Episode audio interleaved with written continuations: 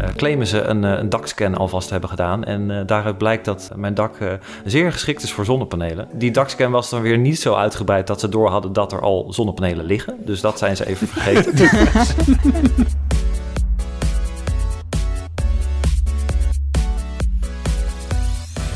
Hoi, leuk dat je luistert. Welkom bij een nieuwe aflevering van de Tweakers Podcast. Mijn naam is Wout en vandaag zit ik in de podcast met Reino Dik. Oh, hallo. Met Thomas Hochtenbach. Hoi. En met Arnaud Wokke. Hoi. Goeie, uh, goedemorgen jongens, we nemen normaal de middag op. Maar uh, er is iets met de, de Tweakers Awards vanavond, dus uh, vandaar dat we het wat, wat vroeger op de dag doen. En vorige week hadden we een aantal grote dagen, waaronder de donderdag. Toen kwamen we s ochtends online met de podcast en smiddags was het embargo voor Intel Alder Lake. Um, en alles wat daar omheen ook te vertellen viel. Want Thomas had zich daar druk op gestort. Reinhard, jij was druk bezig gegaan met het verschil tussen DDR4 en DDR5. Want dat ja. is ook iets wat het platform met zich meebrengt. Dat klopt. Nou, daar gaan we zo meteen nog uh, lekker even over napraten. En ook een beetje wat de, de eerste na-effecten zijn van die launch. Uh, maar voordat we daarover gaan hebben, gaan we natuurlijk naar de highlights. En uh, laat ik eens beginnen bij Ine Mut. Thomas, wat heb jij meegenomen? ja, ik had één onderwerp. Ik denk, daar moeten we het toch even over hebben. En dat is de, de, de hack of de, de ransomware aanval bij Mediamarkt. Ik denk dat deze wel in een, een toplijstje terechtkomt van, van ransomware aanvallen in Nederland met de grootste maatschappelijke impact. Vertel. Um, nou ja, we kunnen allemaal vinden, iets vinden van Mediamarkt, maar het is toch redelijk een instituut en, en, een, en, en een grote speler in, in, uh, in de elektronica-wereld, in, in de Benelux en zelfs, zelfs in, daarbuiten in Duitsland en dergelijke. En uh, eerder deze week werd bekend dat in feite al hun computers op slot zitten. Uh, en dat betreft dus ook niet alleen maar de vestigingen in Nederland, maar ook, ook die in, in Duitsland. Daar is Mediamarkt ook actief onder de naam Saturn. En um, ja, uh, ze hebben nu een, uh, een, een groot probleem. Um, ik zag wel al maar dat... de, zijn, dit, gaan, zijn dit de computers op het hoofdkantoor, waardoor ze administratie kunnen doen? Zijn het de kassa's? Zijn de winkels dicht? Uh, ze, ze, hebben het zelf voornamelijk over servers. En dat lijkt ook een beetje, als je, als je de recentste communicatie bekijkt, dan is het van, nou, je kunt gewoon producten kopen. Uh, wat je niet kan doen, is, is uh, producten terugbrengen, cadeaubonnen inwisselen. Dus het lijkt een beetje alles waar communicatie met de servers van het hoofdkantoor voor nodig is. Dat lijkt, lijkt niet te werken. Je kunt bijvoorbeeld wel gewoon online bestellingen plaatsen en, en die worden dan gewoon bij je thuis afgeleverd. En je maar, kunt nog wel steeds naar de winkel toe. Fysiek naar de winkel toe kan nog wel. Ja, maar dan kun je dus weer niet iets afhalen wat je online hebt besteld. Want daarvoor is dan weer zo'n koppeling nodig. Uh, dus uh, nou lekker zo uh, voor een paar weken voor Black Friday en, en de feestdagen en zo. Dat is een fijne timing. Ja. Maar beter nu toch? Ja, in ieder geval als we tussen nu dan en de feestdagen dit op kunnen lossen. Want het is altijd, hè, bij, bij ransomware heb je twee opties. je betaalt of je vindt een manier om, je hebt goede backups, je kan het terugzetten. Of hebben ze iets gezegd over wat ze aan het doen zijn? Nou, in eerste instantie was de communicatie heel erg gericht op, op die aanval zelf en op wat er, wat er allemaal niet mogelijk was. Als je nu naar de site gaat van Mediamarkt, dan staat er een grote kop in de zin van wij zijn er voor je. En dan staat er eerst een lijst van alles wat wel nog kan en dan staat onderin heel klein van dit en dit en dit kan niet. Um, ja, het, het is een, een hele moeilijke case voor ze. Want er zit natuurlijk wel een beetje tijdsdruk op. Meer dan, dan als het zeg maar in, uh, in maart van dit jaar was gebeurd, om het zo maar te Mhm. zeggen. En ja, ik denk als zij gewoon de rekensom gaan maken van wat zij hiermee gaan verliezen aan, aan Black Friday en dat soort uh, omgein. Versus, nou ja, er zou eerst 250 miljoen gevraagd zijn. Dat zou inmiddels alweer uh, omlaag zijn gegaan naar 43 miljoen euro in bitcoin uiteraard. Um, ik, ik, vrees dat als daar iemand gaat rekenen, dat hij al gauw uh, erop uit gaat komen dat betalen toch wel het verstandigste is. En hoe is dit gebeurd? Want daar zag ik ook het een en ander over uh, voorbij komen. En het leek volgens mij wel een redelijk um, ja, uh, te voorkomen aanval. Um, nou ja, of, vraag je, of vraag je nu iets? Was het niet iets gewoon dat ze een, een, een, een Apache webserver niet gepatcht hadden? Meen je daar iets over te lezen? Dat hebben ze in ieder geval officieel nog niet bevestigd. Um, uh, ja, ik denk bij, bij ransomware is het, is het vaak of beveiligingsrisico's in, in, in software die ze gebruiken, of het is, of het is uh, phishing en gewoon user error in die zin. Uh, maar ja, ik, ik denk wel dat het een heel gerichte aanval is. Want de timing en, en, en dat soort dingen is iets te perfect om dit gewoon een willekeurige vangst te laten zijn, denk ik. Nou, ik denk dat die timing eigenlijk wel min of meer toeval is. Want als je dit echt, als je ze echt onder druk wil zetten, dan doe je dit in de week van Black Friday. Ja, dat is waar. Want dan weet je dat ze super snel zouden gaan betalen. Kun je ook een veel hoger bedrag vragen. Want dan zijn de, is de inzet voor Mediamarkt veel hoger. En uh, dat, is nu, dat is nu niet het geval. Ze hebben echt nog wel even tijd om het op te lossen. Want Black Friday is over een week of twee. Dus de tijdsdruk is ook weer niet zo aanwezig. Je kan het eventueel nog uh, de hele boel proberen uh, te omzeilen voor die tijd zonder te betalen. En die tijd hadden ze niet gehad als dit maar een paar dagen ervoor was geweest. Dus ik denk dat die timing wel eigenlijk min of meer toeval is. Komt natuurlijk wel slecht uit, maar ja, ik, ik zou denken als ik, als ik ransomware aanvaller zou zijn, dat ik dat dichter op Black Friday had gedaan. Ik, ik wil niet iemand tippen, maar dat is wat ik had gedaan. Ik wil even mezelf verbeteren. Ik was in de war. Er was ook een, een aanval geweest op Homerun, een ander platform. En daar ging het om een niet gepatchte uh, Apache ah. webserver en hier niet. Dus ik was even confuus. Zo vroeg op de ochtend, jongens. En dan hm. podcasten en scherp zijn, dat, uh, dat, dat is lastig. Ja, en wat nog wel typerend is voor specifiek deze groepering die achter deze aanval zit... is dat ze ook heel erg dreigen met, met het uitlekken van data. En in het geval van MediaMarkt gaat het natuurlijk om klantgegevens. En nou, we weten niet precies wat er, wat er in hun handen is, maar... Nou ja, ik, ik weet dat uh, bij Mediamarkt ben je gewoon netjes geregistreerd als klant en heb je een account waar al je bestellingen in staan en je gegevens. Dus ik, ik, ik, ik gok zomaar dat, uh, dat daar ook nog wel een, uh, een serieuze dreiging in zit. Dat op het moment dat, dat die database ergens online verschijnt, dat, dat Mediamarkt ook wel heel erg slecht in het nieuws gaat komen. Ja, want ja, wat, wat zouden ze hebben dan? Nou ja, ook al zijn het, ook al zijn het versleutelde wachtwoorden en dat soort dingen ik bedoel, ik, ik, vroeger dacht ik wel eens, oh, maar het is gewoon een, een database. Het is gewoon wat namen met wat adressen en wat telefoonnummers. En, maar dat is natuurlijk goud voor mensen die aan phishing doen. Um, dus je hoeft niet iemand zijn wachtwoord te decrypten en dan in te loggen op iemands Gmail-account om iemand um, te kunnen treffen, zeg maar. En ik denk wel dat als je een Mediamarkt-account aanmaakt, dus je, je, je naam en adres en je huisgegevens staan erin, denk dat veel mensen ook vast hun telefoonnummer achterlaten. Voor als er iets mis is met een bestelling, dat ze even gebeld kunnen worden. Uh, en je e-mail. Dan heb je, ik denk als je dat van mensen hebt, want nogmaals, voor, voor phishing aanvallen en dat soort dingen. Stel dat ze. Um, toevallig ben ik, ik ben ergens op een phishinglijst terechtgekomen. Ik krijg de laatste week om de, om de dag een soort van een sms'je met: hey, uh, hier kun je je bestelling tracken. Klik hier om je bestelgegevens verder in te vullen, dat soort dingen.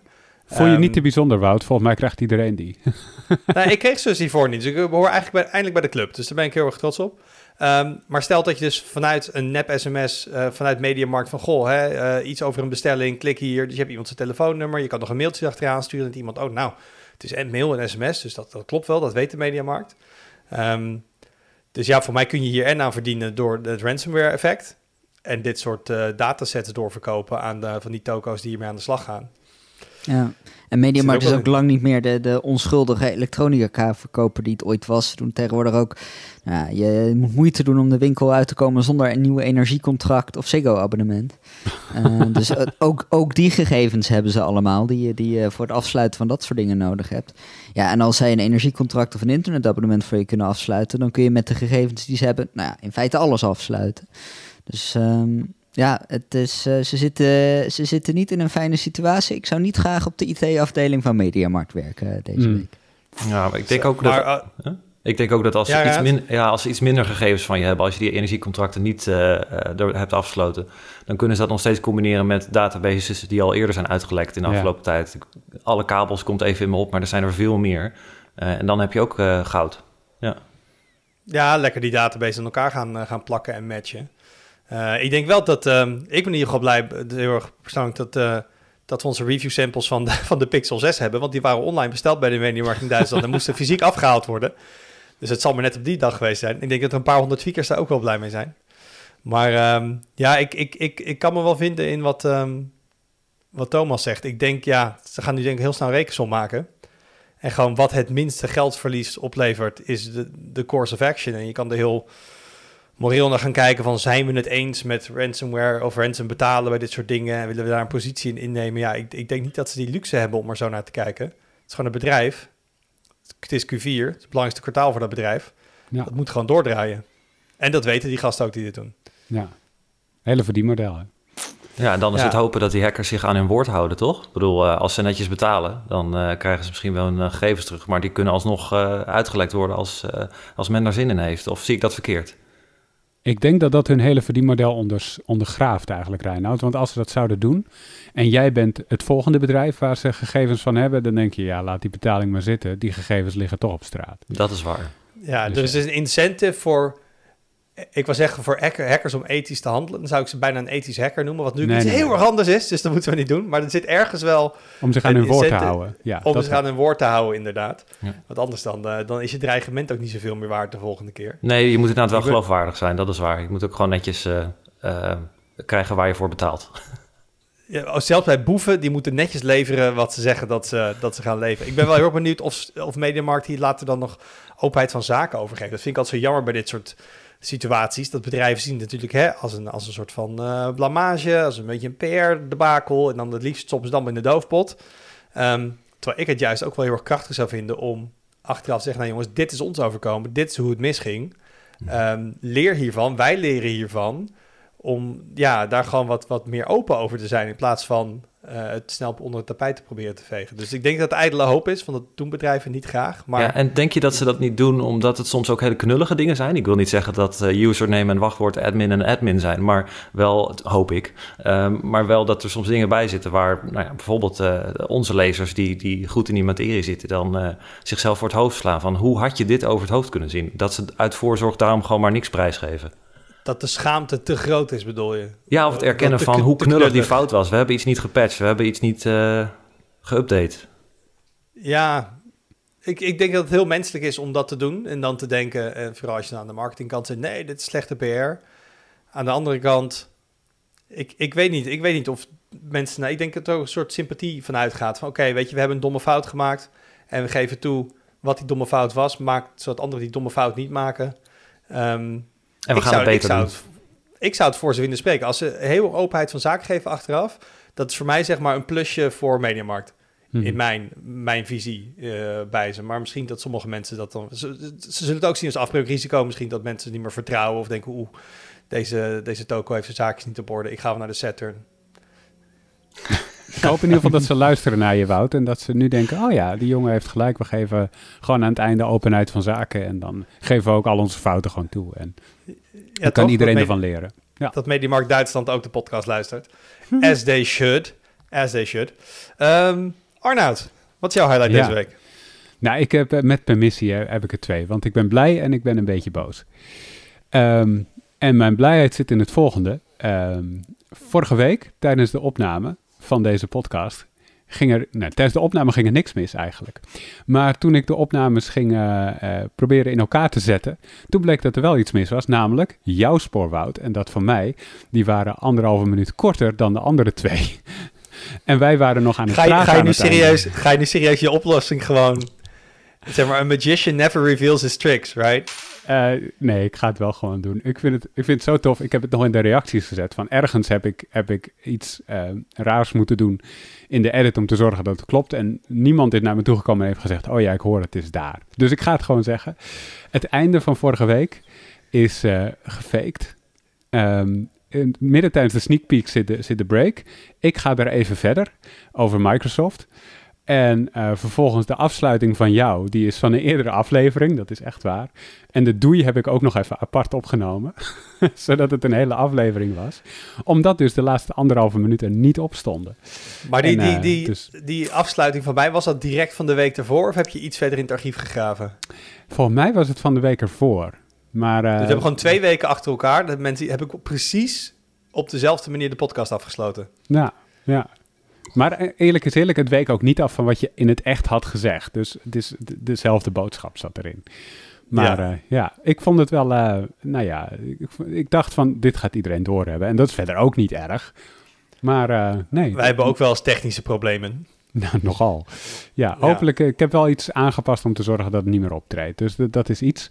Ehm, ehm, maar ik wil het ook nog even over iets eh, anders hebben, wat niet over onze podcast gaat, maar over eh, iets waar ik me wel ontzettend aan geïrriteerd heb afgelopen week en wat wordt opgelost. En desondanks weet ik niet helemaal of ik daar blij mee ben. Het gaat namelijk over Apple en eh, de iPhone 13. eh, die, er was bij ontdekt dat als je het scherm verving, dan werkte Face ID niet meer. Tenzij je een of andere kleine chip eh, overzet met eh, nou ja, allemaal ingewikkelde ingrepen, wat niet zomaar elke reparatiewinkel op de hoek eventjes binnen 10 minuten voor elkaar heeft. In tegenstelling tot het scherm eraf halen, hè, want eh, een iPhone gaat open van voren, dus je haalt het scherm eraf, je klikt hem los. Is wel enigszins moeite, maar ook weer niet zoveel moeite. En vervolgens doe je een nieuw scherm erop als het oude scherm stuk was. En dan heb je gewoon weer een werkende iPhone. Behalve dan dus dat met de iPhone 13 Face ID dan niet meer werkt, wat voor heel veel mensen een belangrijke functie is. En nu hebben ze dus gezegd, in een toekomstige iOS-update gaan we dat fixen. Dus dan kan je wel weer gewoon eh, je scherm vervangen zonder dat, daar iets, eh, zonder dat er iets eh, misgaat met Face ID. En ehm, dat deed bij mij wel een belletje rinkelen van, hé, dit, dit, dit speelt nu al een maand. Uh, ze komen nu naar buiten met deze informatie. De update is er nog niet. Uh, dus ik begin me wel af te vragen wat hun ware intenties hiermee waren. Was het, was het gewoon een foutje? Heeft iemand ergens een, een, een vinkje verkeerd gezet, wat overal wel eens gebeurt? Of uh, is hier, is hier iets anders aan de hand en wilden ze daadwerkelijk dit erdoor duwen? En dan kijken of er genoeg backlash kwam om het weer terug te draaien. En ik weet niet, hoe denk jij daarover, Wout? Want wat, wat denk je wat de intentie hierbij geweest kan zijn? Oeh, geen vraag naar de intenties van Apple. Ja, um, een bedrijf dat op ongeveer de grootste geldberg ter wereld zit, volgens mij. Mm -hmm. uh, dus het, het, het lokt heel erg uit om meteen te denken: ja, dit is natuurlijk uh, gunstig als je het op die manier doet uh, voor, voor ja, meer geld verdienen. Reparatie moet, je kan minder naar de dealer om de hoek of de reparateur, je moet naar Apple toe. want normaal met dit soort dingen, als, um, als de hardware aan elkaar koppelen, heeft ook te maken met, met, met beveiliging. Ja. Van hebben, ja, maar in deze. Uh, dat zit versleuteld aan elkaar. Of, hè, en, en Face ID heeft natuurlijk heel erg te maken met beveiliging. Daar, daar zit alles achter. Um, dus toen ze het zeiden van dat, weet je, dat, dat zit aan elkaar gekoppeld, denk ik, ja, het is niet handig. Maar oké, okay, ik snap wel waardoor, waarom. Dus met, uh, met de pixels is nu ook iets met de vingerafdrukscanners.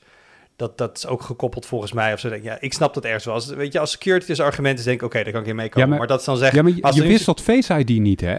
Je wisselt het scherm, maar niet de Face ID-sensors. Die zijn precies hetzelfde.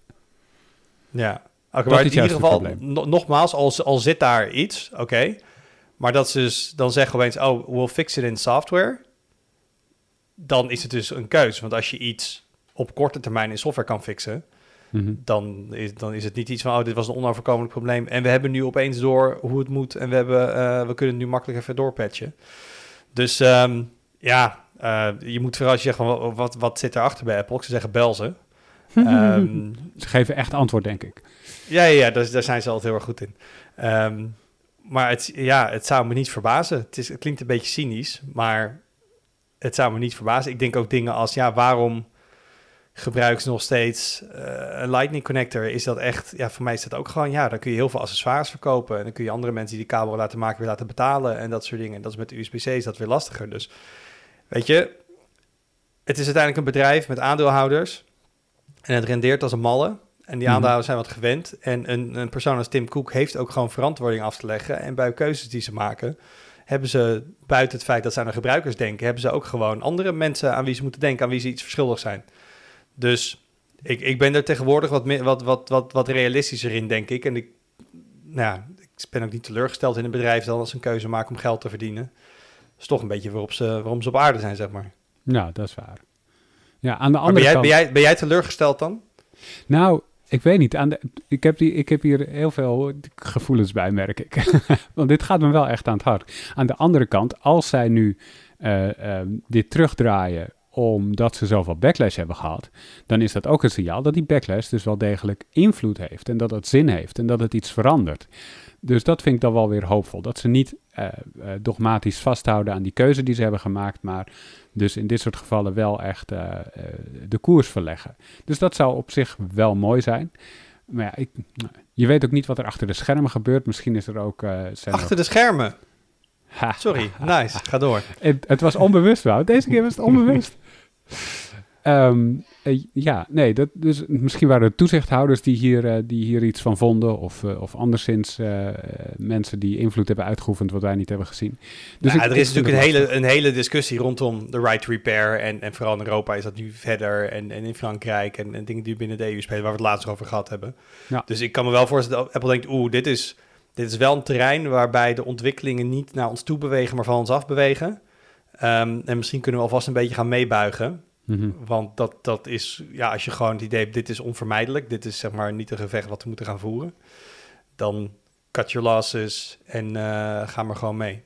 Ja. Maar in ieder geval goede, uh, goed nieuws voor de, de, de telefoonreparateurs om de hoek. Zeker.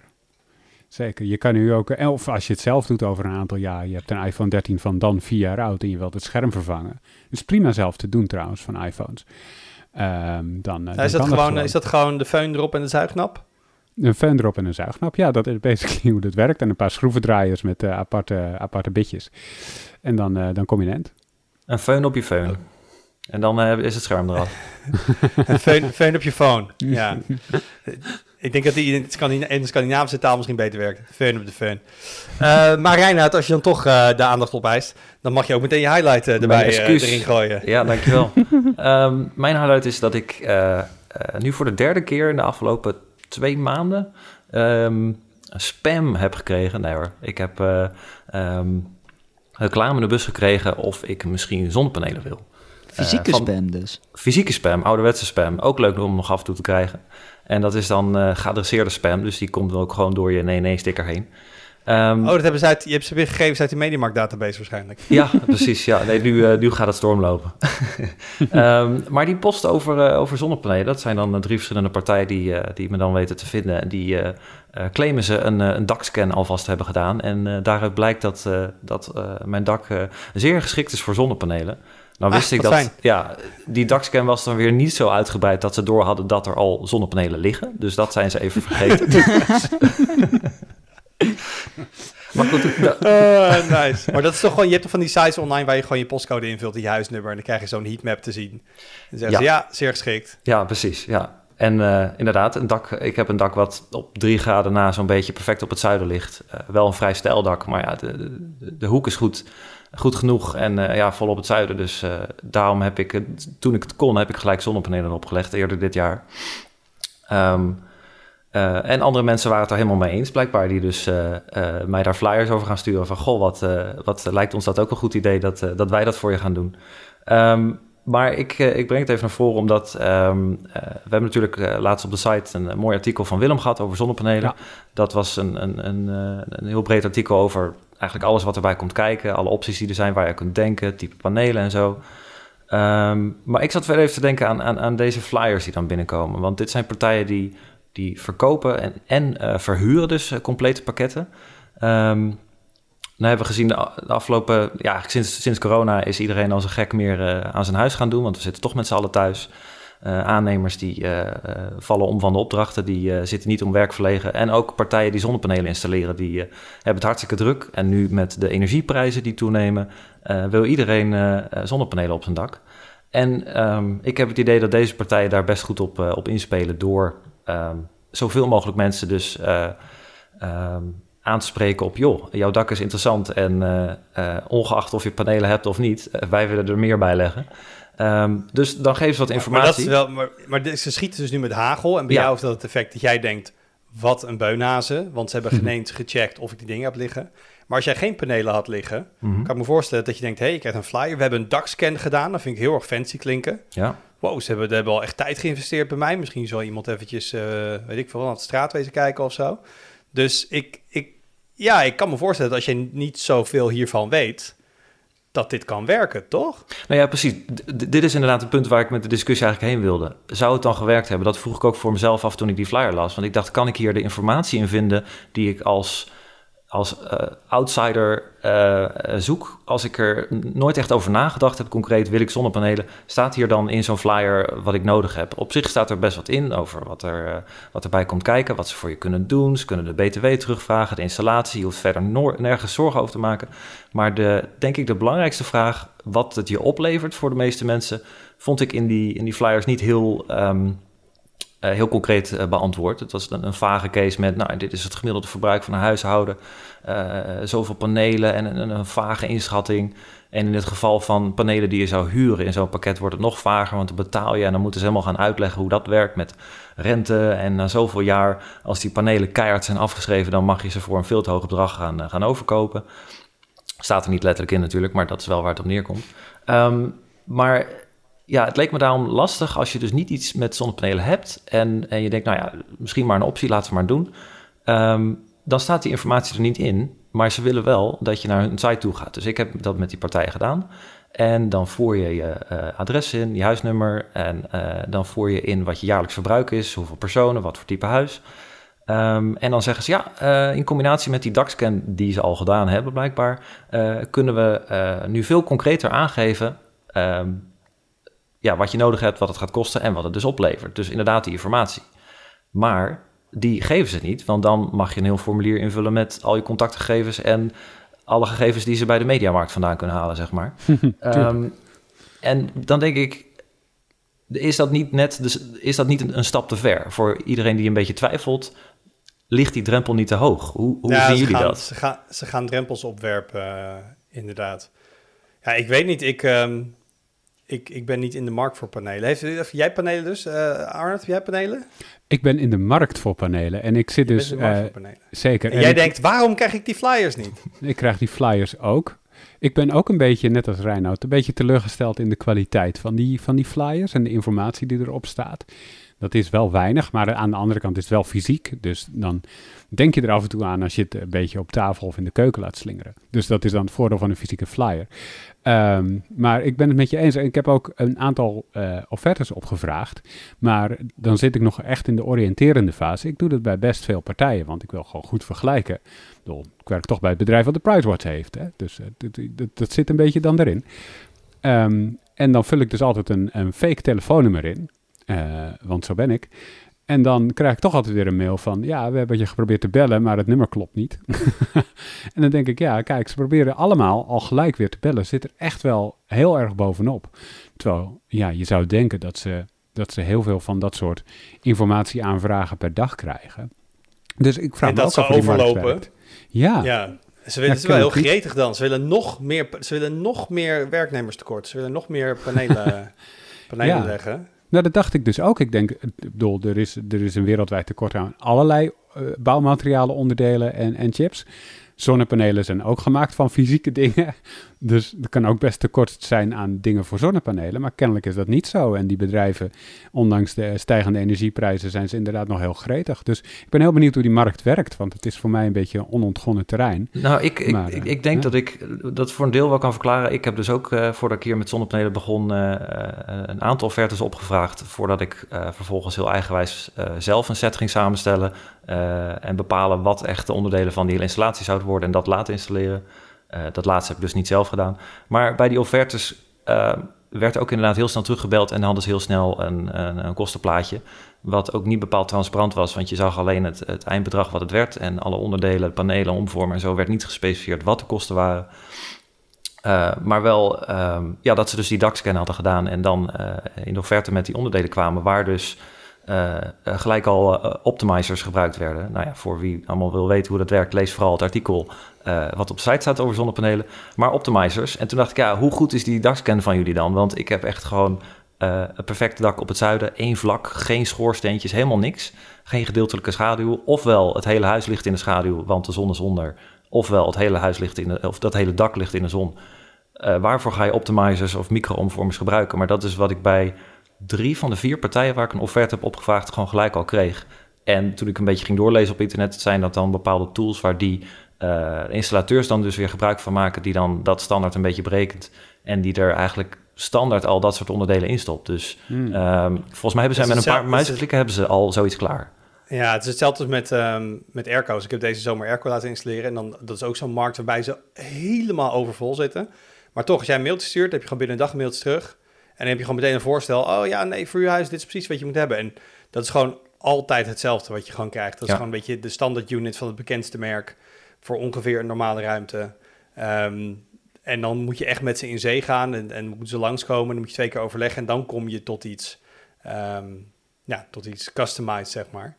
Ehm, maar dus ik herken dat wel. Ik had het precies hetzelfde toen ik naar, naar die Ergo's aan het, aan het kijken was. Ja, en wat interessant is, wat je zegt die flyers, dat ze dus ook over, over huur hebben. Want ik zat ook dat stuk van Willem te lezen. En het is overduidelijk zo'n goede investering ook gewoon. Als je gewoon kijkt van, nee, je wil je geld niet op de bank laten leggen, laten zitten. Ehm, je weet gewoon, dit gaat gewoon geld opleveren op termijn. Ja, als je zegt, ik woon nog maar drie jaar in dit huis, oké, dan niet. Maar als je zegt, ik woon niet gewoon een tijd, dan weet je gewoon dat dit op termijn, op welke termijn ligt aan, hoeveel geld je, je initiële investering is. Maar uiteindelijk gaat dit gewoon opleveren. Dus dat hele huren, dat, dat, dat, dat, dat, dat, lijkt dan, oh ja, ik hoef de initiële investering niet te doen. Wat handig. Het is een beetje als, zeg maar, als private lease. Ja, precies. Dan denk je ook van, ja, dat, dat, dat handig. Dan kan iedereen, je kan zeg maar volgende week een nieuwe auto hebben. Maar het is zo onverstandig financieel gezien. Ja, maar als je het geduld niet Uh, hebt, dan eh, stap je toch tegelijk erop. En dan denk je, ja, dan heb ik eh, over een maand panelen. In plaats van dat je nog moet sparen totdat je die set kan kopen. Ja, dus ik, maar het, het, het is zeg maar, eh, hoe, hoe zeg je het Engels? Pennywise, pound foolish. Ehm, ja, dus eh, nee, dat, daar zou ik inderdaad nooit, eh, nooit voor gaan. Eh, ik zit zelf, eh, ik denk niet al te lang meer in dit huis waar ik woon. Dus ik, ik, ik zat twee jaar geleden ook al van, oeh, moet ik dan nu die panelen leggen of is dat te laat? Ja, op een gegeven moment dan is het echt te laat. Dus dan ga je het nooit meer terugverdienen. Dus, eh, maar zodra ik verhuis ben, is ook denk ik het eerste wat er gaat gebeuren, is lekker deze hele molen in het allemaal vergelijken. Dus dan kom ik wel weer bij, nou, en, en bij jou Reinoud, en bij Willem. En Arnoud hier heeft dan al panelen, dus die weet er ook wat vanaf. Dan Ik heb ook eh, zonnepanelen, dus... heb je ook zonnepanelen thuis? Hoppakee, iedereen panelen. Ga ik dan maar Ja, ik kan wel, kan wel één lans breken voor, voor het ontbreken van, van echt keiharde eh, cijfers. Want aan de andere kant, iedere berekening die bijvoorbeeld deze zomer is gemaakt... aan de hand van een tarief van 22 cent per kilowatt eh, uur... Daar hebben we Ja. op dit moment natuurlijk niet heel veel Nee. meer aan. Dus als ze die flyers ja, ver van tevoren of in grote aantallen of zo willen maken... dan, eh, dan was zo'n berekening nu ook niet heel erg nuttig meer geweest. Dat is waar. Klopt, klopt. Ehm, dan zag ik ook nog iets voorbij komen. Eh, en dat was gewoon meer... Soms zijn er wel eens overnames die je gewoon niet snapt. En dat vooral van hem, maar dat het bedrijf, wat het andere bedrijf overneemt... Zeg maar, de kleine neemt de grote over, of het, of het hoort niet bij elkaar. Maar in ieder geval Unity, eh, bekend van de game engine Unity. Eigenlijk heb je in de gamewereld, denk ik, als je een third-party product zoekt... heb je of Unreal of Unity. Dat zijn eigenlijk de twee, eh, twee grote dingen die licensen. Ehm, die heeft Weta Digital overgenomen. En Weta Digital is de visual effects studio van, eh, van Weta. Dat is zeg maar het productiehuis van Peter Jackson, bekend van Lord of the Rings films. Dus dit is het bedrijf dat ons Gollum heeft gebracht. Dit is het bedrijf dat ons eh, de, de special effects voor heel Lord of the Rings, Godzilla, King Kong, Planet of the Apes, Game of Thrones hebben ze dingen voor gedaan. Ehm, en ik vond het gewoon, ik, ik hoef er niet uit, heel uitvoerig houden, maar ik vond het gewoon opvallend dat een game engine, een softwarefabrikant, een Hollywood Visual Effects studio overneemt. Als je dan het bericht daarover leest, dan is eigenlijk wel logisch waarom ze dat doen. Want ze hebben bij Weta in-house gewoon heel veel tooling ontwikkeld. Voor allerlei dingen. Tooling om eh, procedureel eh, landschap te genereren. Tooling voor het renderen van vacht eh, en, en, en, en haar. Tooling voor het maken van realistische mensen met realistische huid en dat soort dingen. En dat is natuurlijk allemaal dingen die je eigenlijk als, als gameontwikkelaar of als enginebouwer eh, ook in je pakket wil hebben. Want het, het maakt het voor een gameontwikkelaar, als jij een engine from scratch moet bouwen en al je tooling moet bouwen, zoals het vroeger eigenlijk ging. Is een enorme investering. En wat maakt iets als Unreal zo aantrekkelijk? Dat kun je installeren. En eigenlijk zit alles al prefab erin. Er zit een hele library in van assets. En je kan, er zit een, een character creator in. Dan kun je heel makkelijk eh character models maken. Eh, en ik heb het idee dat Unity nu gewoon denkt, ja, dat kunnen we allemaal, allemaal in-house gaan doen. Waar is dat nog meer? Oh, wacht, een visual effects studio. Nou, dan laten we ze ook gewoon lekker onder onze vlag doorgaan met visual effects voor films doen, want dat is wel het plan. En we gaan gewoon al die tooling in Unity integreren en dus beschikbaar maken. Niet alleen maar voor Weta. En dus ook bijvoorbeeld dingen als de digital assets die zij gemaakt hebben. eh, die willen ze dus ook gewoon in een grote library gaan stoppen en gaan licensen. Dus ik vond wel een, eh, ja, ik vond een, een op, opvallende zet. Ook 1,6 miljard dollar. Ik wist helemaal niet dat Unity zo groot was. Ik zie het nog steeds een beetje als de, de, de B-engine na Unreal. En, en waar zeg maar alle mobile games op draaien. Maar mobile games brengen natuurlijk enorm veel geld in het laadje. Ehm, dus ik vond, ik vond het wel heel, heel bijzonder. Ik ben ook wel benieuwd of dit er dan voor zorgt dat meer ook echt in de, beetje de high-end space, echt de, de AAA eh next-gen console PC games, waar nu toch vaker naar Unreal voor mij wordt uitgeweken. Of Unity eigenlijk zo gewoon eh, een, plekje at the table heeft, eh, heeft gekocht hiermee. Maar eh, ja, ik, ik, ik, ik kan het niet aanzien komen, zeg maar. Want Unity wil niet eh, de, de filmwereld in eh, met deze overname. Dat zat ik ook net te Nou, denken dat- als dat- concurrent dat voor blijven Netflix. ze wel doen. Ja. Nee, dat blijven ze ook wel doen. Dus ik bedoel, Weta blijft gewoon eh, ook, als, zoals ik het begrijp, visual effects doen. En Unity is nu ook al steeds meer in gebruik voor animatie. Ehm, een beetje richting de, de Pixar-hoek, zeg maar. Maar volgens mij is er nog nooit echt een grote blockbuster op basis van Unity geweest. Waren dat meer eh, kleinere projectjes waarbij ze dat ingezet hebben. Ehm, maar ik denk dat dit wel, dat, ja, je koopt heel veel IP, je koopt heel veel kennis, je koopt heel veel bestaande dingen. En ik denk dat ze nu wel vanaf hier best wel veel kanten op kunnen. Ehm, ja, dus ik ben ook benieuwd. Vooral ik, ik, voor de gaminghoek, nogmaals. eh, het is denk ik toch wat dat, dat Unreal een beetje, al is het maar in de perceptie, toch echt de grootste eh, lic- eh, licenseerbare game engine is die je kan, ehm, kan krijgen. En natuurlijk als zo'n Unreal Engine 5 uitkomt, dat doen ze ook hartstikke mooi met van die streams en dan hè, met van die demo's en kijken eens wat voor allemaal vette technieken we hebben. Ja. Dus ik ben benieuwd wat dit voor die, die dynamiek gaat doen. En ik hoop dat ze nog steeds gewoon special effects dus inderdaad blijven maken op lange termijn. Want alle films waar ze aan werken, zien er altijd heel dik uit. Dus eh, Maar kan je die tooling eh, eh, voor films, kan je die één op één overzetten dat het ook werkt voor games? Of heb je dan een, een nou ja, ze, aanpassing ze, dan? ze, ze moeten het aan elkaar koppelen. Maar ik bedoel, als jij voor een film een landschap moet bouwen, ehm, een bergachtig heuvellandschap, dat moet je natuurlijk ook. Dat zijn gewoon polygonen. Dat zijn gewoon 3D meshes. En daar moeten textures op en dat soort dingen. Kijk, bij een film gaan ze dan ehm, naar een render farm sturen. En dan wordt het met, met, een, met een path tracer of een ray tracer op hele hoge detailniveaus wordt het gerenderd. Dus dat is iets anders. Daar moet je real-time er naartoe. Maar ik denk het hele asset creation, dus eh, werelden bouwen, character models bouwen, dat soort dingen. Dat de workflows zijn er, denk ik, ik bedoel, het is niet mijn beroep, maar wat ik ervan weet, zitten redelijk dicht op elkaar. Alleen je moet het eindproduct is dat je het real-time in een, in een game engine gaat stoppen. Mhm. Eh, maar er zit natuurlijk heel veel tijd in het bouwen van werelden, het bouwen van karakters eh, en dat soort zaken. Dus als je dat kan versnellen. Ja. Is wel cool. Ik, Dus, ben benieuwd ehm, of ze, ik ben benieuwd of ze eigenlijk dan ook wel iets qua mogelijkheden zien om, om games en, en, en films zoals we het nu zien als losse onderdelen, om die samen te vlechten tot eh, nou ja, die kant die Netflix ook, eh, ook op wil. Met soort van interactieve series, interactieve, wat een beetje ja, tussen een spel en, eh, en een serie of een film inhangt. Dat je zelf Nou ja, invloed hebt op de uitkomst. of dat eindelijk de, de, de game tie-ins van movie franchises een beetje oké worden. Want zeggen oké, we gaan dus voor deze nieuwe film ook een game maken. En we hebben eigenlijk alle werelden al, alle character models hebben we al. We hebben al- de hele look and feel hebben we al. We moeten het alleen eventjes nu in, in gamevorm hangen. Maar dat er meer cohesie tussen dat soort dingen zit. Ehm, dat, eh, nou, waar, waar, waarom niet inderdaad? Ja. Dus voor mij de, de opvallende overname van de week.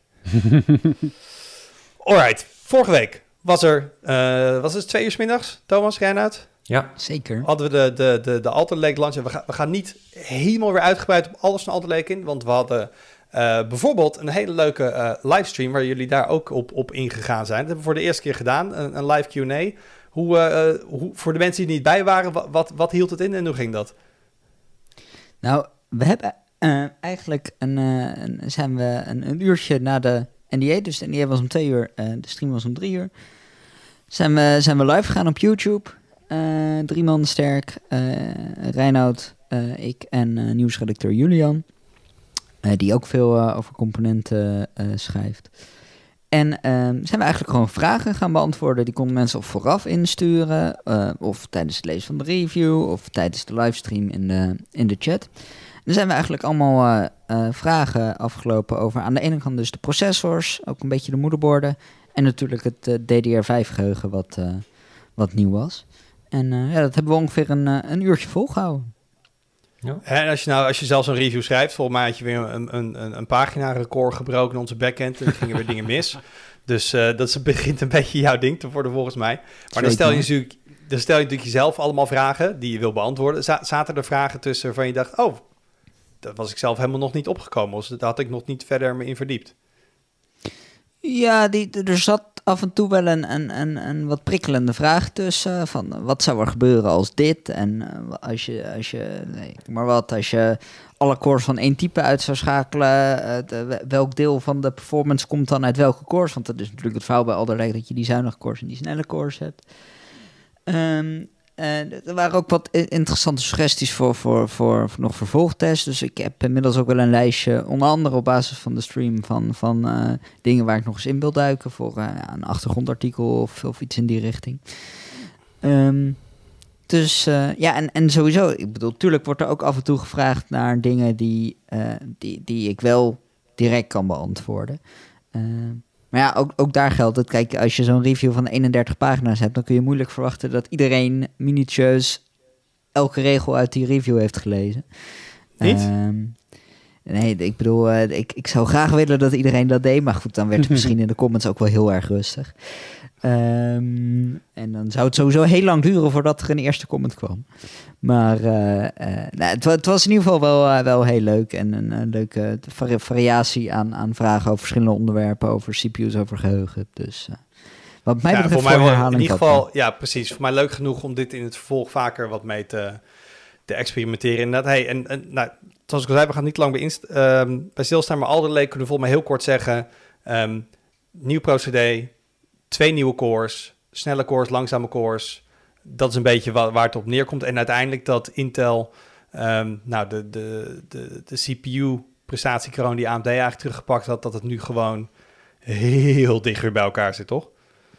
Ja, ze hebben, eigenlijk heeft Intel hiermee een antwoord op elke Ryzen 5000 processor, behalve de allerduurste, de 5950X. Eh, ehm, nou ja, je, je, je ziet ook wel gewoon dat op, op de meeste andere prijspunten hebben ze op dit moment gewoon het voordeel boven AMD. Eh, in de zin van ze zijn of iets sneller of iets goedkoper. Soms allebei. Ehm, en eh, en, en eh, ook zo waar met de verkrijgbaarheid van de CPU's lijkt het allemaal wel, wel redelijk goed te gaan. Ja, want we praten vaak van tevoren hierover, of we nemen video op en zo. En dan moeten we altijd maar wachten wat er gebeurt als het eenmaal live is. Zijn er dingen ehm, die nu duidelijker zijn geworden na de launch? Dus ik bedoel dingen als verkrijgbaarheid of, wat, wat AMD als antwoord gaan doen, of of die met prijzen gaan stunten. Zijn er dingen naar voren gekomen sinds donderdagmiddag twee uur? Eh, er zijn, eh, ik, ik heb gelezen dat in Amerika dat, dat er een winkel is die redelijk aan het stunten was met de prijzen van AMD-processors. Ik heb zelf ook even rondgekeken of dat in Europa kan. Ik denk eigenlijk dat daar niet heel veel gaat gebeuren. Ehm, en dat heeft er vooral mee te maken dat er gewoon niet zo heel veel stok aan AMD-processors ligt. Ehm, nou, dan moet je denken, een, een gezonde voorraad processors in Europa. De, de, de hubs van AMD en Intel zijn volgens mij allebei in Nederland gevestigd voor, eh, voor heel Europa. Eh, daar liggen dan eh, voor, voor populaire modellen enkele tienduizenden processors. Standaard. Gewoon voor de, voor de dagelijkse levering aan distributeurs en winkels. En eh, bij, bij menig chip uit de Ryzen 5000 chip is die voorraad of niet bestaand... of bestaat die hooguit uit enkele duizenden stuks. Dus eigenlijk heb ik het idee dat AMD op dit moment eigenlijk de, de normale verkoop maar net bij kan houden. En, en daar zit gewoon geen ruimte in om met prijzen te gaan stunten. Want dan gaat natuurlijk ook gewoon je, het aantal processors wat je verkoopt omhoog. En die CPU's zijn er gewoon niet. En heeft dit dan gewoon simpelweg te maken met het feit dat AMD eh, eh, productiecapaciteit moet inkopen? Bij een TSMC en Intel dus, ondanks dat ze jarenlang hebben zitten stuntelen met het eigen procedé, het wel tenminste in-house heeft. Ja, dat is nu, en nu het eenmaal werkt, is dat weer een voordeel voor Intel. het is ook een, de, de hele tijd een flink nadeel geweest voor Intel. Ja, AMD heeft gewoon eh, een, een, een, nou ik wil niet zeggen een beperkte, maar wel een, een vaste capaciteit op die 7 nanometer node bij TSMC voor 5 nanometer. Eh, daar komen ze volgend jaar wel met producten. Eh, moeten ze eh, wachten eigenlijk tot Apple klaar is eh, met het opsnoepen van alle capaciteit. En ik denk dat, dat AMD natuurlijk binnen de capaciteit die ze hebben ook wel gaat kijken naar wat, hoe kunnen we daar het meeste uithalen. En dan kan ik zomaar eh, mezelf voorstellen dat er wordt geschoven van CPU's naar GPU's, waar de tekorten natuurlijk nog wat groter zijn. Server CPU's waar ze meer op verdienen. Ehm, dat soort werk. En je ziet ook bij AMD de afgelopen jaar een hele duidelijke keuze dat ze de budgetsegmenten, zeker op CPU's, wel echt laten liggen. Eh, zelfs voor Alder Lake eh, had AMD eigenlijk onder de 250 euro al bijna geen, geen ja, aantrekkelijk aanbod meer. Of was er gewoon überhaupt niks leverbaar? Hey, je zegt eh, server CPU's, want we, toen wij ook de tech video aan het opnemen waren, toen we het over hè, wat gaat AMD nu doen en wanneer komt Zen 4? Eh, gaan ze misschien Zen CPU's met een 3D-cache uitbrengen? Nou, ze hebben natuurlijk laatst weer, weer wat dingen aangekondigd. Ehm, was dat al inhoudelijk iets waarmee ze eigenlijk een antwoord hier op deze consumenten-CPU's willen doen? Of zat het echt in een andere hoek? Nou, het, het is, het, wat ze, de aankondigingen die ze hebben gedaan is puur server. Maar er is natuurlijk een dikke overlap tussen wat ze voor servers doen en wat ze voor consumenten doen. Want dat is de, dezelfde architectuur allemaal. En, en vaak zit er eh, enkele maanden tussen de verkrijgbaarheid van het een of het ander. Ehm, dus het is wel een, een goede blik in de keuken van wat AMD eh, van plan is. Nou, wat ze dus gaan doen is Epic CPU's met die 3D eh, V-cache. Dat is eigenlijk een uitbreiding van de L3-cache die letterlijk bovenop de L3-cache in de normale chips wordt geplaatst. En dan wordt er daar ja, bijna, je zou kunnen zeggen, gaatjes in gemaakt om die te verbinden. Dat is een, een vrij innovatieve productietechniek die, uh, die TSMC heeft ontwikkeld en die AMD dus gebruikt. En uh, dat betekent dat een, een, een, zo'n zo'n chiplet, die heeft standaard 32 MB L3 cache voor 8 cores. En daar komt dan dus 64 MB van die 3D V cache bij. Voor dus een, een, een, een totaal van 96? Ja, 96 MB per chiplet. En dat betekent dus dat zo'n 64 core processor dat die 768 MB L3 cache krijgt. En dat is dus gewoon een bestaande Epic met Zen 3, derde generatie. Maar dan een, een soort nieuwe variant. Ik denk dat ze dat exact hetzelfde trucje ook uh, voor consumenten gaan toepassen. Dus dat we een Ryzen 5000 CPU met gewoon de Zen 3 cores die we kennen. Maar dan die extra cache. En uh, nou ja, het AMD zegt in, in een specifieke server workloads tot 50% winst. Dat zullen wel hele uh, specifieke workloads zijn die echt van die L3 cache kunnen profiteren. Um, dat, uh, dat, dat, dat zit um, in consumententoepassing is dat minder. Ze hebben eerder voor mij gezegd tot 15% in games bijvoorbeeld. Um, en dan denk ik dat games nog een van de voorbeelden zijn die het van consumentenworkloads die het beste schalen met L3 cache. Um, dus, uh, dus, dus nou, aan de andere kant 10, 15% is wel net wat AMD nodig heeft om weer duidelijk boven Intel komen te staan. Maar als ja. ze daar uh, meer mee verdienen, Thomas, dan verdienen ze meer cash door meer cash. Kijk. Graag gedaan. Dat, dat is, dat is dank, de goede dank, metafoor. ik, zag Arnold al, ik zag Arnold al vijf minuten richting zijn microfoon leunen. Ik denk, nou, nu komt er een inhoudelijke opmerking. Maar ja, heel helaas. uh, helaas. Um, en, en Zen 4, Thomas? Weten we daar sinds uh, deze week wat meer over? Ja, ze hebben dus ook aangekondigd dat Zen 4 er komt. Uh, en dat dat in... in Big surprise. Nieuwe, ja, dat dat in nieuwe CPU's gebeurt. Dan dat die dingen meer cores krijgen, tot maximaal 96 uh, per CPU. Dan heb je dus wel echt over, over Epic uh, server, server spul. Uh, dat komt in 2022. Nou, dan kun je dus ook alvast in je agenda zetten dat in 2022 ook Zen 4 processors voor de desktop komen. Misschien nog wel interessanter is een aankondiging die ze al deden voor begin 2023, dus voor over ruim een jaar.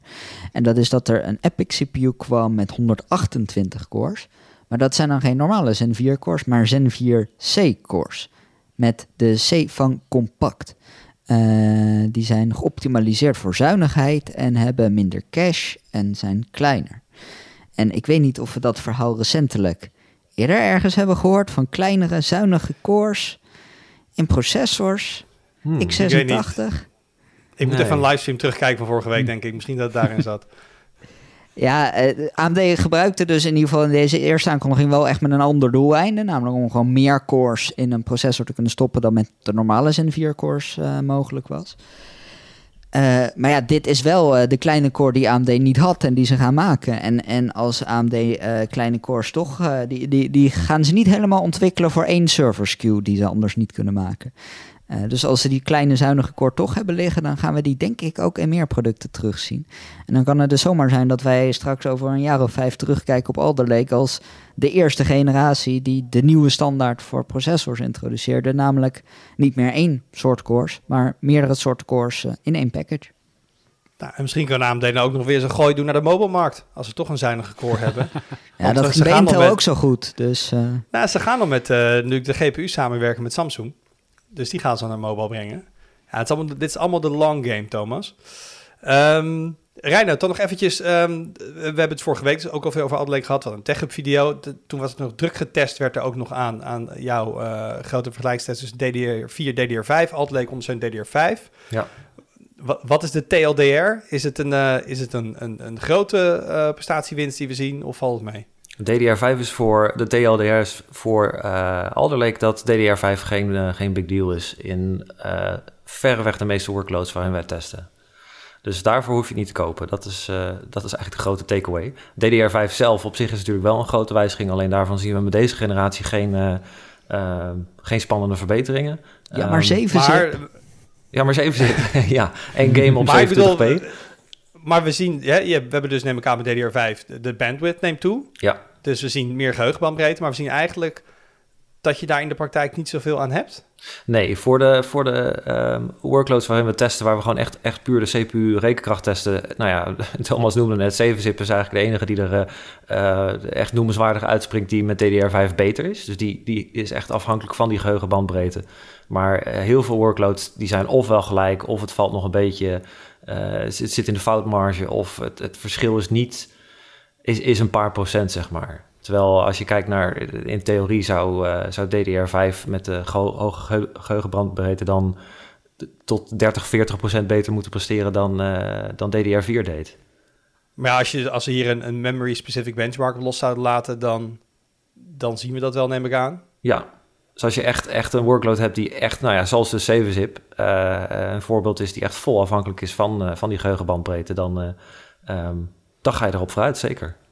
En is het een kwestie dat wij gewoon onze testsuite moeten gaan uitbreiden? Of covert onze testsuite echt heel veel normale consumentengebruiksscenario's en durven wel te zeggen, voor de meeste dingen die mensen zoals jij en ik achter een PC doen, gaat dit niet veel uitmaken?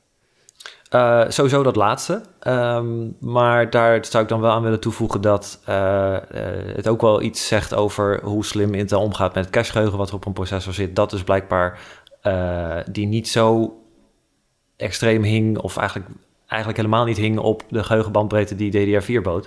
Uh, dat het ook verder een processor is die ook met al zijn cores uh, uh, actief, die 12900K, dat die dus blijkbaar niet met DDR4 geheugen op, op 3600, ja, dat dat niet noodzakelijk was om daar nog een verhoging in, in aan te brengen om echt die prestaties te verhogen. Nogmaals, voor het overgrote deel van onze tests.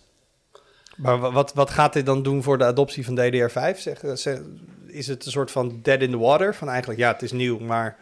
Nou ja, het is volgens aan... mij maar, maar goed dat onze conclusie niet was dat dit allemaal uh, het de meest geweldige uitvinding sinds gesneden brood is en dat iedereen het vooral direct moet gaan kopen, want Precies. dan lopen ze ook nog wel tegen een probleem aan. Ja, want je kunt het niet kopen, dus DDR5, dus nagenoeg niet. Uh, we hebben wat webshops uh, gevraagd en die zeggen dat ze nou, Thomas noemde het al, CPU's die uh, zijn goed op voorraad, dat lijkt uh, goed te zitten. Moederborden lijkt volgens nog ook geen probleem te zijn, alleen DDR5 geheugen is gewoon nagenoeg niet te krijgen.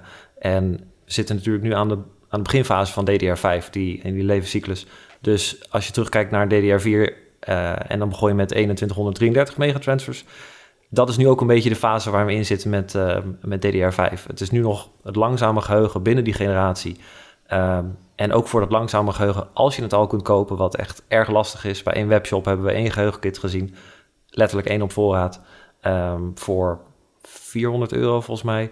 Voor 32 gig. Uh, voor 32 ja. gigabyte. En dan heb je dus um, relatief langzaam geheugen. En als je daar één of twee jaar... Dat is natuurlijk altijd zo, maar ook met dit geheugen. Als je hier over een jaar op terugkijkt, dan denk je... oh, heb ik dat betaald voor dat langzame geheugen? Dus... Um, nee, ik verwacht niet dat dat heel veel impact heeft op hoe die adoptie gaat. Want is er adoptie? Nee, die lijkt er volgens die lijkt gewoon niet mogelijk te zijn. En dus eigenlijk is vooral wachten tot die, die versies met meer megatransfers, met hogere snelheden uit gaan komen. En dan ook verkrijgbaar zijn. Precies, ja. Eerst de verkrijgbaarheid van überhaupt DDR5 geheugen en, uh, en dan sneller geheugen. En, ja. en prijzen, denk ik ook. Uh, dus de, uh, zolang je 32 gig DDR4 koopt voor, nou ja, uh, minder dan een derde van wat een DDR5-kit van die KPC koopt. Ja, uh, zolang het, we, het, we het hebben over prestatieverschil van 5%, maar zelfs als dat 10% of 15% wordt, uh, ja, dat gaat nog steeds niet voor veel mensen het de moeite waard maken om drie keer zoveel uit te geven. Dan moet ja. je echt inderdaad geld hebben liggen waarvan je niet weet wat je ermee moet doen. Je hebt al zonnepanelen liggen. En dan denk je wel, ik ga maar DDR5 geheugen kopen. Ja, in, in dat opzicht denk ik, je kunt inderdaad zeggen... oké, okay, DDR5 geheugen is als je het kunt kopen uh, momenteel ruim twee keer zo duur als gewoon uh, snel DDR4 geheugen. Maar er zijn altijd mensen die bereid zijn om dat ervoor neer te leggen. En als je een geheel nieuw systeem gaat samenstellen, dan is dat prijsverschil relatief natuurlijk veel kleiner. Dan betaal je wel twee keer zoveel voor het geheugen, maar op het totaalplaatje is dan DDR5 uh, ehm, ja, in ieder geval een minder, grote, minder groot verschil. En sommige mensen kunnen zich dat verantwoorden voor, uh, ja, die letterlijk de hele dag 7-zip aan het draaien zijn, die zeggen, ja, ik, kom maar op. Het is een beetje dat je Alder Lake koopt voor de Staksrip uh, performance, zagen we ook in de review. ja. Dat ook wel als een man ging. Hey, maar als je dus nu een Alder Lake systeem wil bouwen, um, heb je wel keuze. Zijn er gewoon goede high-end borden met DDR4 en goede high-end borden met DDR5? Of gaan die moederbordfabrikanten eigenlijk standaard van DDR5 uit, waardoor je niet echt heel veel keuze hebt als je nu een Alder Lake systeem wil? Je, je, ziet het een beetje verschillen per fabrikant. Uh, Asrock doet bijvoorbeeld enorm veel DDR4. Uh, aan de andere kant, uh, Asrock uh, heeft zijn supply niet helemaal op orde, want het is echt zoeken naar borden. in het testlab hebben we er wel geteld nul van dat merk. Um, en van andere, alle andere merken liggen er een stuk of tien, een beetje om het in perspectief te zetten. Um, um, en je ziet dat dat een beetje tot de hogere middensegment, bijvoorbeeld Asus heeft nog RG Strix borden in versies met DDR4. Uh, Gigabyte doet het volgens mij tot en met de Aorus Pro, als ik het goed heb. Dus de Master is wel DDR5 only. Um, dus je ziet dat tot het hogere middensegment dat er wel DDR4-versies zijn. En dat is maar goed ook, want DDR5-borden zullen niet keihard verkopen op dit moment als je geen geheugen kunt krijgen ervoor. En, uh, en uh, sowieso deze moederborden zijn allemaal super duur. Uh, het begint bij 200 euro. En als ik het dus heb over het hoge middensegment, een Aorus Pro en een RG Strix, dan ben je al zo 350, 400 euro kwijt. Um, dus uh, de, dus uh, voor mij zijn die duur genoeg voor, voor DDR4-borden. Dus de totale platformkosten op dit moment voor alle leek zijn niet mals. Zelfs met DDR4. Nee, klopt dan is het toch wachten op, uh, op, op begin volgend jaar. Dan zouden dus meer goedkopere SKU's komen. Uh, Core i3's, Core i5's, uh, de niet overklokbare versies, goedkopere chipsets voor de moederborden.